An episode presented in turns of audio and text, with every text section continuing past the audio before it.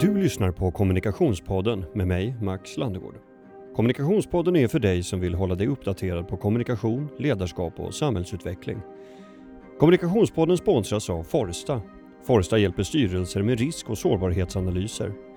På forstaab.se kan du läsa mer om på vilket sätt de kan få ledningen att utvecklas i sin styrning.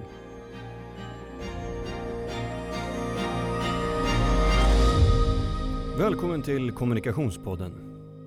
Jag känner inte många yrkeskategorier som är så stressade som kommunikatörer och chefer. Eller ja, det finns ju självklart många fler inom vården, lärarkåren, polisväsendet men de har säkert sina egna poddar. Och det här handlar om kommunikation.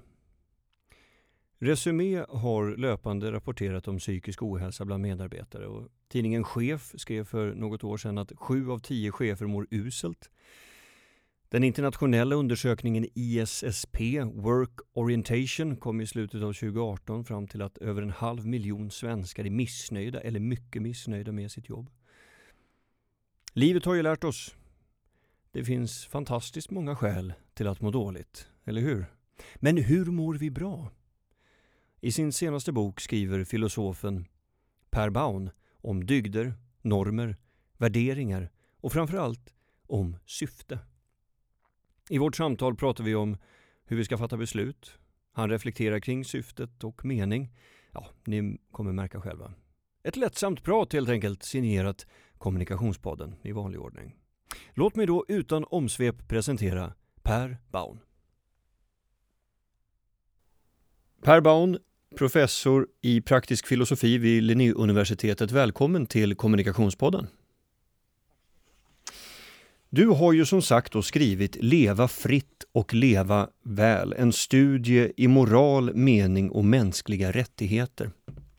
Det är en tung pjäs som jag har framför mig här på skrivbordet. Var, var, och du, jag ska säga det också, du är med via länk, så om någon undrar så vet ni hur det ligger till. Eh, som sagt, det är en tung pjäs. Varför skrev du boken? Ja, därför att den här kan man säga har sin bakgrund i att jag har jobbat med moralfilosofiska frågor för drygt 30 år. Eh, och under resans gång har jag kommit fram till att det är ett par värden som återkommer och som har en central betydelse i moralfilosofiskt tänkande och det är frihet och välbefinnande. Som sen har hanterats olika av olika filosofer i olika sammanhang och, och, och vid olika tidpunkter. Men jag ville någonstans summera upp lite grann vilken roll de här två värdena kan spela och visa på hur de kan föras samman i en sammanhängande moralteori och hur den teorin sen också kan säga någonting om mänskliga rättigheter, om hur ett bra samhälle bör se ut eh, och hur människor kan ha ett gott liv helt enkelt. Man brukar ju säga att research is me search. Har du, har du själv haft eh, problem med att leva fritt och leva väl? Var det därför du också skrev boken? Nej, det kan jag inte säga. In, in, inte, inte i den substantiella meningen. Alltså när vi talar om frihet och välbefinnande som att ha de nödvändiga förutsättningarna för framgångsrikt handlande. Alltså liv, hälsa, tillräckliga resurser att slippa utsättas för, för, för våld, stöld, tillgång till, att ha tillgång till utbildning, möjlighet att förvärva inkomst och sånt nej, jag, jag, måste ärligen säga som att jag har ju haft de här möjligheterna så att jag, jag kan inte på något sätt påstå liksom att jag har varit offer för några rättighetsförluster i det sammanhanget. Men det hindrar ju inte att, att man haft anledning att fundera över val man har gjort och att det har varit val som jag inte alltid har varit nöjd med.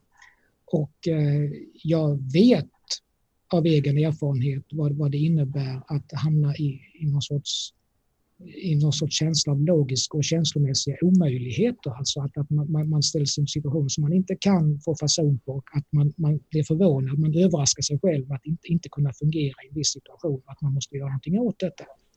Och man kan säga att det där, eh, den typen av livsupplevelser och den typen av erfarenheter låg väl bakom en tidigare bok som jag skrev som heter The Value of Courage, Värdet av mod som eh, från 2003 där, där jag som säger, diskuterar vad innebär det att vara tapper och vad, vad, vad, vad, vad innebär det att eh, så att säga, lyfta sig själv i håret eh, när man hamnar i en situation? Därför att hamnar man i det här läget som, som många människor har beskrivit på, på andra sätt, alltså utav ångest eller känsla utav eh, otillräcklighet och annat, så kan man då undra hur mobiliserar man modet när modet inte alls finns, när det, inte, när det är bortom en. Alltså det hjälper inte att läsa om det i böcker och, och själv så är man i ett tillstånd där man darrar som ett asplöv och man, man är så fjärran från tapperhet man kan vara.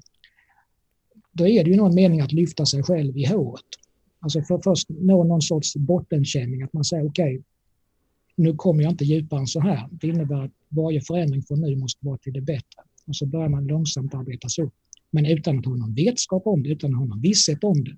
Bara helt enkelt en övertygelse om att alternativet är värre. Här måste vi så att säga, ta oss an detta, komma igenom det och så kommer man tillbaka igen.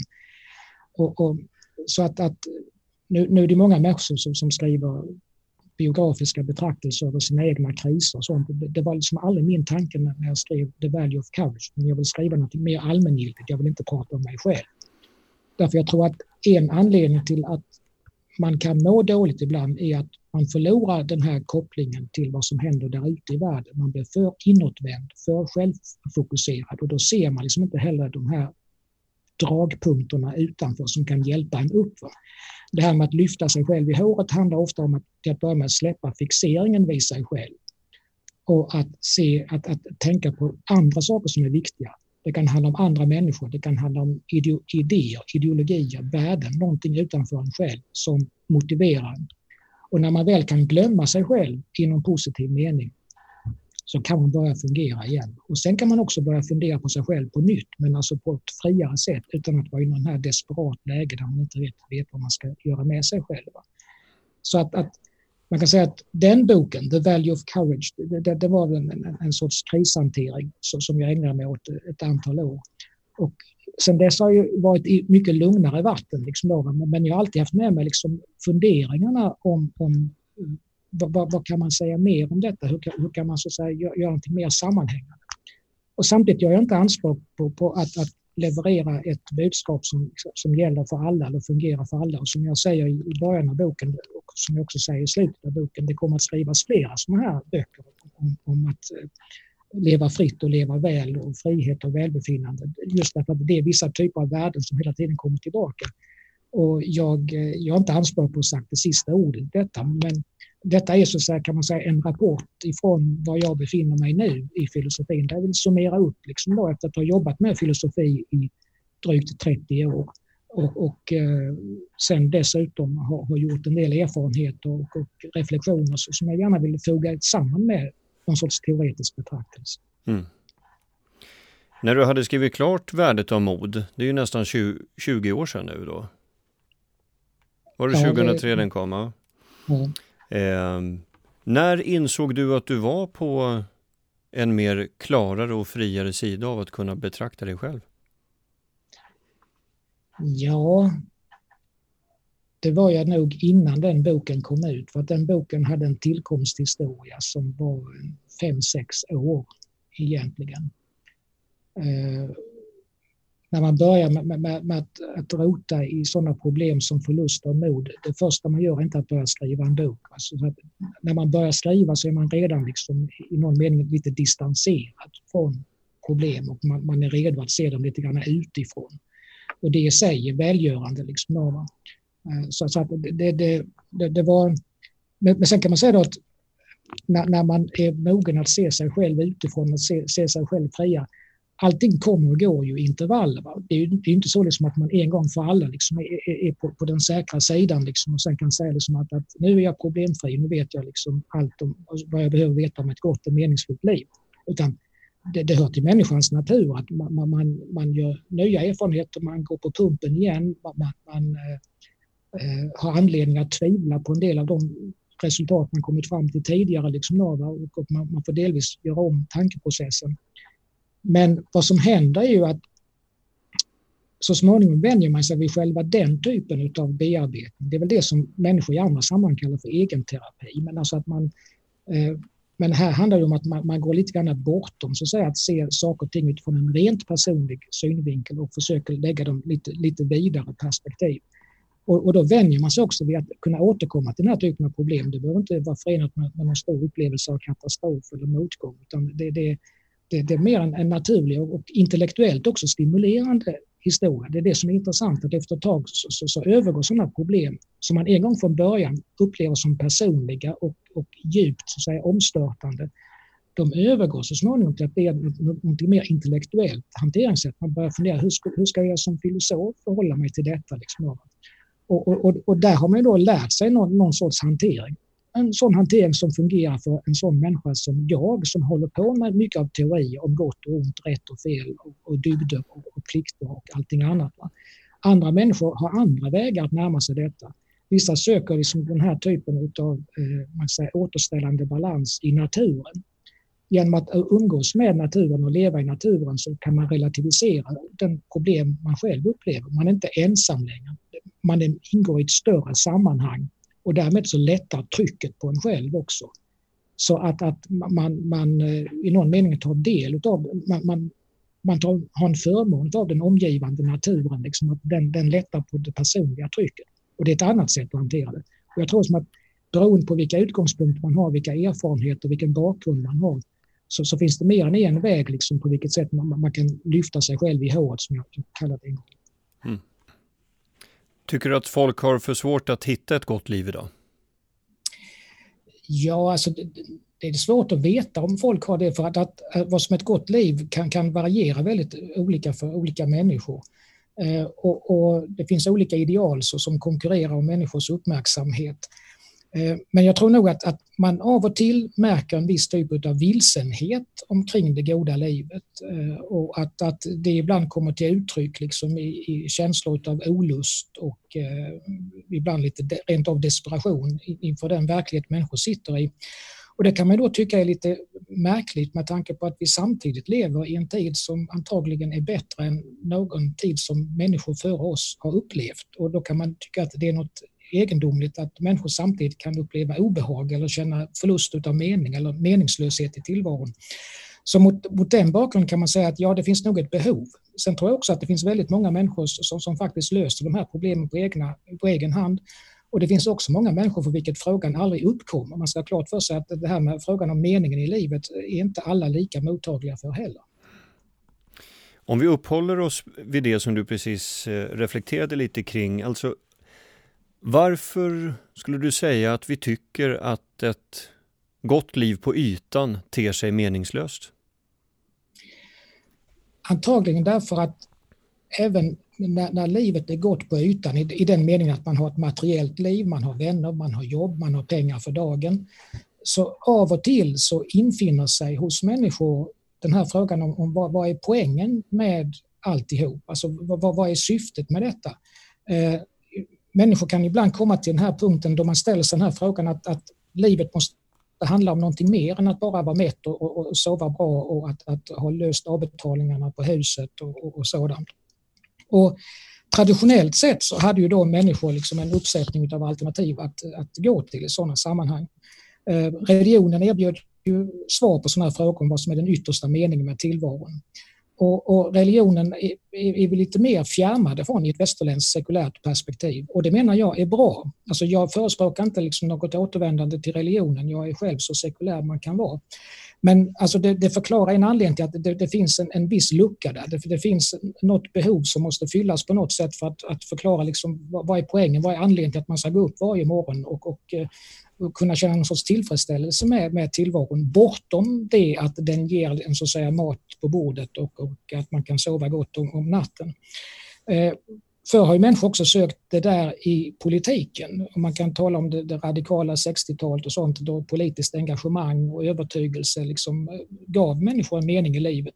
Men där har vi också en, på, på, goda grunder en mer skeptisk hållning idag. Alltså att många av de här politiska övertygelserna visade sig leda människor vilse eller kanske bara skapade utrymme för en fanatism som inte var kanske riktigt önskvärd ur någons perspektiv.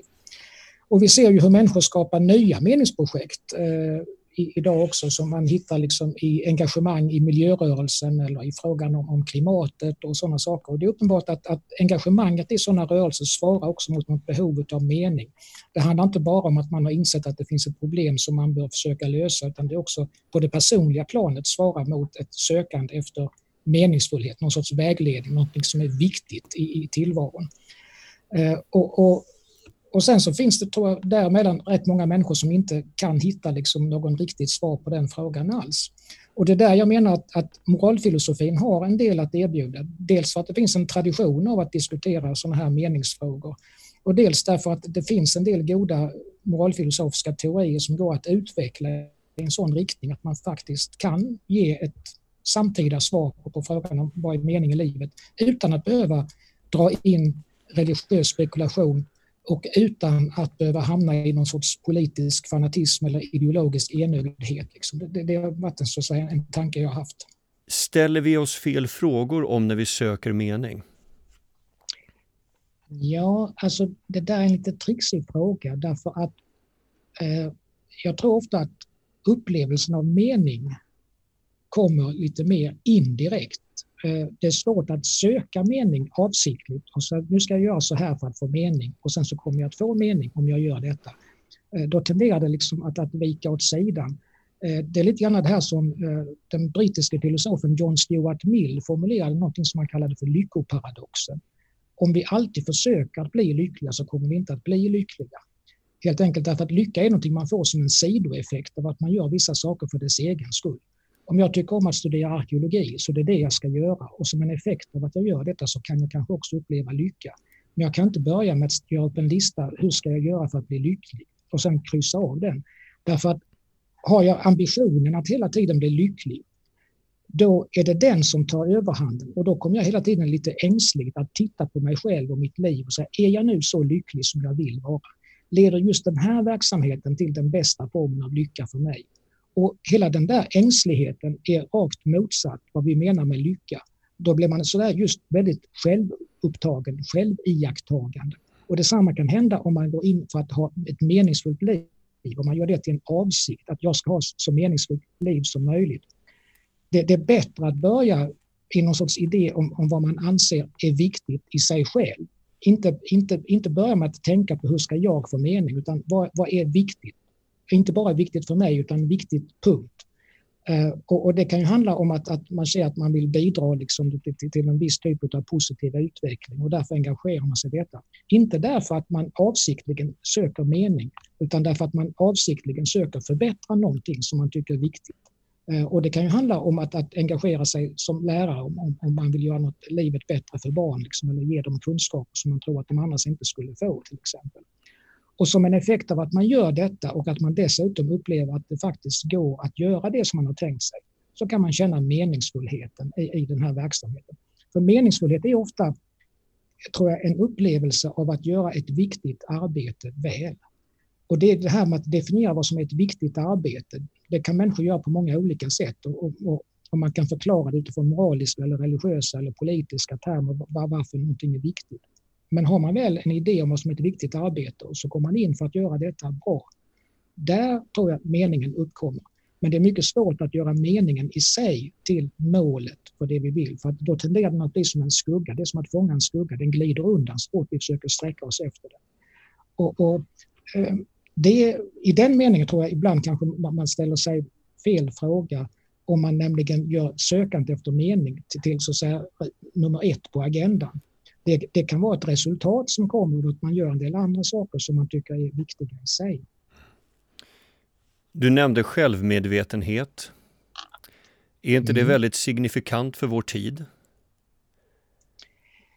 Ja, det kan det vara.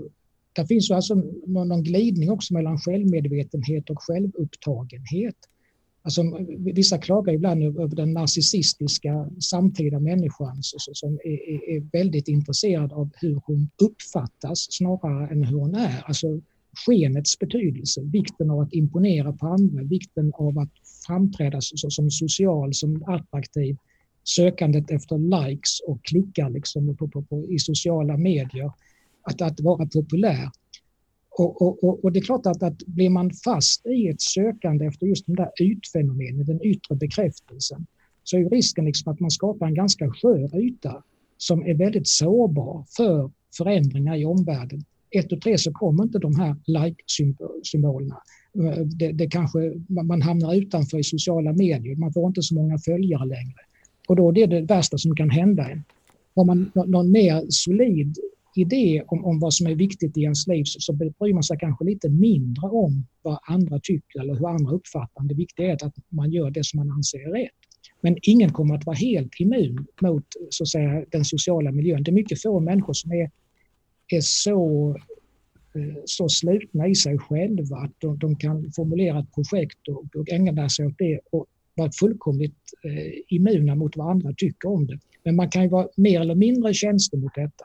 Och jag tror att, att det man kallar för de narcissistiska dragen hos den, den samtida människan, det är nog ofta just detta att man, man har ett, ett, ett överdrivet och omotiverat intresse för vad andra tycker om en istället för att fråga sig själv vad, vad är viktigt egentligen? Liksom, och, och, och det där blir ofta självuppfyllande därför att så länge man får det här erkännandet eh, och godkännandet utav andra så, så, så bryr sig kanske inte människor om att lägga ner den där extra ansträngningen på att ta reda på vad som är viktigt för dem. Därför det blir en självgående sak. Man blir berusad utav och beroende av just den här uppskattningen. Vilket gör att man kanske också glömmer eh, vad som kunde ha varit viktigt för en själv. Man letar inte ens efter det. Och, och, och där finns ju en, en idé på det här med självmedvetenhet. Att det kan väl vara lite si och så med det ibland. För att människor kan ju vänja sig vid eh, situationer som de egentligen inte mår bra av och den kan pågå så länge att de till slut inte längre ser att någonting händer med dem. Eh, ta exempel där, där, där människor går in i dåliga relationer som egentligen utifrån sett man kunde se direkt att det här kommer inte att gå bra, men man är blind för det. Man intalar sig själv att det här ska nog gå ihop ändå. Det kan handla om olycklig kärlek, det kan handla om, om, om någon affär som människor går in i eller, eller någonting annat. Men, men, men, man blir blind för att man, man kan skada sig själv eller att, att, att, att någonting kan gå fel i detta. Tills man en, en natt inte längre kan sova.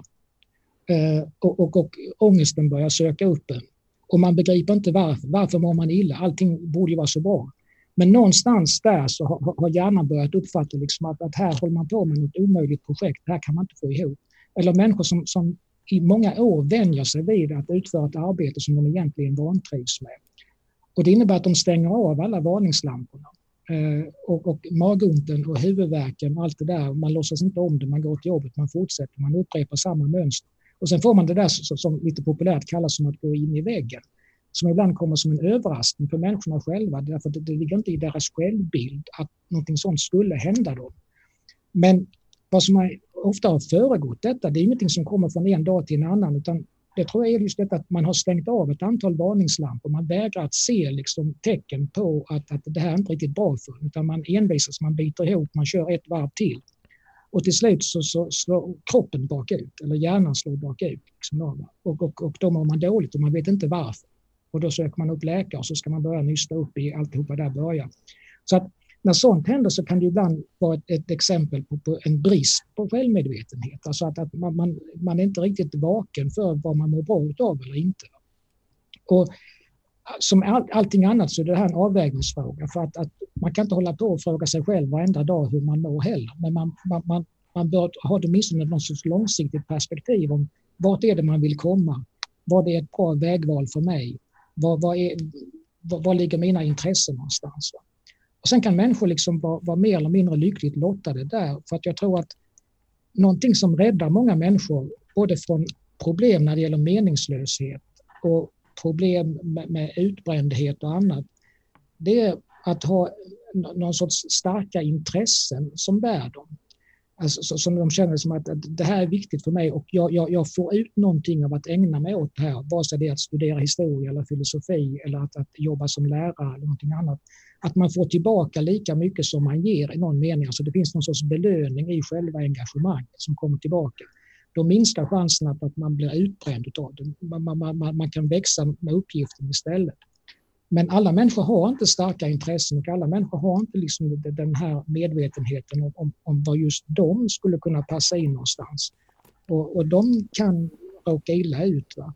Um, jag, jag, tror att många människor räddas just av att de, de, de, har, de kan ha ett, ett, starkt intresse som samtidigt belönar sig själv, så att säga, på något sätt. Du skriver ju om måttfullheten som en dygd i, mm. i din bok. Och eh, om man ska återkoppla till det du sa här, alltså hur ska man ha möjlighet att identifiera risken innan man plötsligt går där med portföljen och så har man framtänderna i, i kullerstenen? ja, alltså jag tror att innan tänderna möter, möter gatan så har man säkerligen gått förbi ett antal stationer på vägen. Alltså så att, att, att det handlar nog om att, att vara lite mer uppmärksam tidigare. Eh, måttfullhet har ju ofta förknippats med, med mer fysisk typ av avhållsamhet. Man ska inte äta för mycket och inte dricka för mycket. Man ska inte frossa. Det är så den klassiska innebörden i det. Mm. Den bibliska. Men, jag pekar, förlåt? Den bibliska. Ja, just det. Mm. Men vad jag, vad jag pekar på är att, att, att det, det, finns också en måttfullhet som handlar om, om hur man reagerar på, på världen. Liksom att, att inte, inte hänga upp sig allt för mycket på småsaker. Att inte låta så att säga, vreden ta överhanden för en. Och, och, och där, där, där, kan man ju ge akt på sig själv. Alltså, olika människor har ju olika temperament, så all, för alla är det inte samma problem. Vissa är till sin natur väldigt måttfulla, medan andra kan, kan ha problem med överdrifter. Men, men, det beror ofta liksom på att jag tror att i, i många i det mänskliga känslolivet så det finns i starka känslor en fram och en baksida. Det som gör människor engagerade, levande, drivna, alltså det, det, det som får dem liksom att ha ständiga kreativitetsfyrverkerier som driver dem samman, framåt, kan också kopplas ihop med en viss typ av otålighet. Alltså en, en, en ovilja att sitta stilla. Och, och, och, det uppfattas inte som något problem därför att alla ser liksom att det här är en kreativ stimulans. Andra människor har glädje av det. De uppskattar det på sin arbetsplats med ständiga idésprutor och sånt där. Men samtidigt är det klart att det sliter någonstans på en själv. Ingen, ingen kan så att säga, brinna för någonting som man brukar säga hur länge som helst utan att till slut bli en hög med aska. Liksom. Eh, och, och, den otålighet som får människor liksom att inte ha, finna sig att ha tråkigt speciellt länge, den kan ju också liksom vara skadlig i någon mening att man, man inte kan hantera det faktum att livet ibland innehåller en del sådana här rena passager som, bara, som inte är speciellt spännande men, men, men som har en viss mått av tråkighet. Va?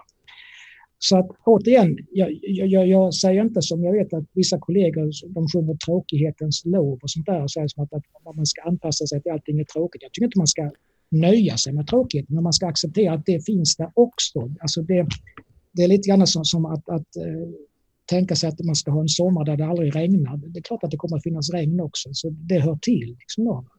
Eh, det fullkomliga livet. Det är inte ett liv som saknar fläckar utan det, är ett liv liksom där, där, man har, där det finns problem men där man i bästa fall kommer runt dem eller kommer över dem. Liksom. Men det problemfria livet finns inte och, och, livet utan tråkighet finns inte heller. Så att, att även människan som brinner av kreativitet måste av och till inse liksom att så där kommer det inte att vara varje dag. Utan, och då måste man kunna acceptera detta utan att tycka liksom att allting är värdelöst. För att jag tror att många människor som, som har problem med måttfullhet har det just därför att de är otåliga och de har liksom någon sorts lite överdriven förväntan på tillvaron. Att, och, och, och, den här lite kompromisslösa attityden att antingen är allting fantastiskt och utvecklande och kreativt eller också är det totalt värdelöst. Men väldigt ofta, väldigt ofta är livet lite grann däremellan och, och det är lite grann att kunna hantera detta så, så, så som är vad, vad måttfullhet eh, går in på. Va? Och, och, där, och där kan man ju träna sig lite grann också. Alltså lite grann genom att bara ge akt på sig själv. Alltså hur, hur uppträder man under dagen? Hur slänger man igen dörren eller, eller stänger man den försiktigt? Liksom då? Jag menar, hur, hur uppträder man och hur uppträder man mot sig själv? Därför att jag kommer in på alla de här resonemangen om dygder och mening i ett större sammanhang där jag diskuterar en teori om rättigheter till frihet och välbefinnande. Men, men det är ju därför att de här med dygderna kommer ju ofta in liksom som kan man säga en, en, en självrelaterad aspekt utav rättigheter. Hur hanterar vi oss själva? Hur uppträder vi mot oss själva? Vad gör vi mot oss själva? Därför att om man tänker sig att vi har mänskliga rättigheter till, till frihet och välbefinnande, vilket är något som jag argumenterar för i boken. Men de rättigheterna har vi också mot oss själva. Så att vi, vi ska ju fundera lite grann på hur vi uppträder mot oss själva, vad vi gör mot oss själva. Och, och, där är vi inte alltid så hyggliga eller så resonabla som vi borde vara. Eh, människor kan driva sig själva till, till extremer genom att vara, vara otåliga mot sig själva, att, att förbanna sig själva för att de gör misstag. Att, att, att, att i, i, åtminstone i psykologisk mening örfila upp sig själva för att de spiller på sig eller att de snubblar eller att de gör triviala misstag. Och sånt där. Och människor kan säga till sig själva saker som de aldrig skulle tolerera eller finna sig i att någon annan sa till dem. Och, och, och, och, och där, det handlar inte om att man, man ska vara, alltid vara snäll och urskuldad mot sig själv, för ibland ska man också förmana sig själv för att man, man kunde göra bättre, men man ska inte vara fördömande. Man, man måste liksom ha någon sorts tolerans för, för att man inte alltid kan leva upp till fullkomlighetsidealen. Eh, och lika lite som man, man unnar sig att skälla ut andra för att, för att de inte alltid gör 100 procent ifrån sig så ska man inte heller ge sig på sig själv när, när, när saker och ting inte eh, går rätt. Så, så att en, en, en viss mått av självförståelse kanske också i sammanhanget. Jag slog upp en sida här. Du sa att man måste skaffa sig en idé. I slutet av 218 så står det så här. Vid ett antal tillfällen måste vi göra ett val. Ska jag studera eller jobba? Studera historia eller filosofi? Ta en erbjuden anställning eller vänta på något som passar mina intressen bättre längre fram? Bilda familj eller leva själv? Så måste vi prioritera vissa mål och medel framför andra. Detta, just att stå i vägskäl i stort och smått, är ju någonting som många former av både filosofisk och psykologisk litteratur återkommer till. Eh, vad är ditt svar på frågan i prioriteringar? Ja, prioriteringarna här har, har ju delvis en sån rent personlig subjektiv sida. Liksom. Därför det, det finns må, många sådana här val som man inte kan, kan lösa med hänvisning till någon moralfilosofisk teori. Ta det här exemplet med ska man gifta sig eller ska man leva själv? Ska man bilda familj eller ska, ska man leva barnlös? Så. Det där är ingenting så, så, så, som moralfilosofin kan tala om för man, man kränker inte någon annans rättigheter om, om man gör endera valet. Så, så, så att, att, att det, det blir ytterst en, en fråga för en själv. Men däremot, när man gör den typen av val, det, det är kanske mer viktiga liksom hur man gör valen snarare än exakt vilket val man gör. För att eh, det, det, man vill undvika är kanske att människor vaknar upp en dag många år senare liksom, och anser att de har fördärvat sitt eget liv genom att, att göra val som de inte, inte riktigt var genomtänkta eller som de inte står för. Eh, och, och, det är där man kommer in på det här med, med dygderna igen, alltså som en sån dygd som klokhet till exempel. Att, att ha någon sorts idé om dels en, en sorts korrekt självbild, alltså vilken människa är jag? Vad är det för typ av utmaningar som fungerar för mig? Eh, vad, vad, kräver jag av tillvaron? Vissa har till exempel ett mycket starkare socialt behov än andra. Andra tycker tvärtom att det är jobbigt med att ha mycket människor omkring sig. Och då bör det i någon mening komma till uttryck i hur de väljer när det gäller yrkesval eller hur de väljer att leva tillsammans med andra människor. Därför att, att det, alla är inte stöpta i samma form. Eh, och, och återigen, det handlar om att man har någon sorts självinsikt. Man ser vad, vad är det som fungerar för mig? Och sen så i nästa steg att fundera på vad innebär det för en del sådana här större livsval som jag gör om, om, om yrkesval, familjebildning eller inte. Eh, och, och, där kan man säga att klokhetens dygd kommer in när det gäller att, att förstå det här, förstå sig själv, val av mål och medel. Men sen kommer tapperhetens dygd in. Eh, hur står man emot sociala påtryckningar som säger att man egentligen borde syssla med någonting helt annat? Vi lever till exempel i en, en, en miljö där, där man eh, tycker att en av de viktigaste sakerna, eller de, de roligaste saker människor kan göra, det är att resa kors och tvärs, flyga över jorden och, och, och, och Men alla människor tycker inte det är roligt.